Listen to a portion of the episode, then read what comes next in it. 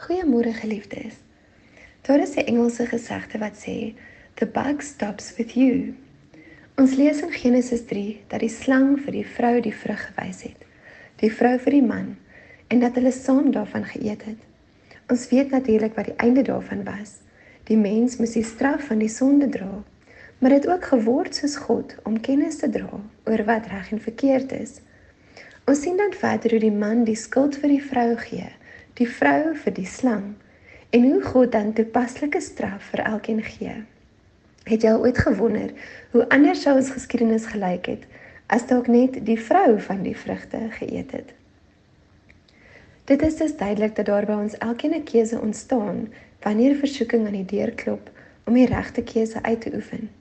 Ons het die geleentheid om 'n verskil in die geskiedenis te maak as ons nie net soos enigiemand anders optree nie, maar deur die krag wat Christus vir ons gee, kies om die sonde te teenstaan.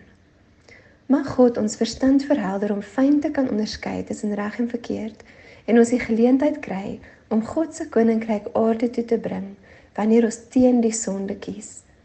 Jy kan 'n wêreldse verskil maak. The buck stops with you. Ek bid dit vir jou in die naam van Jesus Christus. Amen.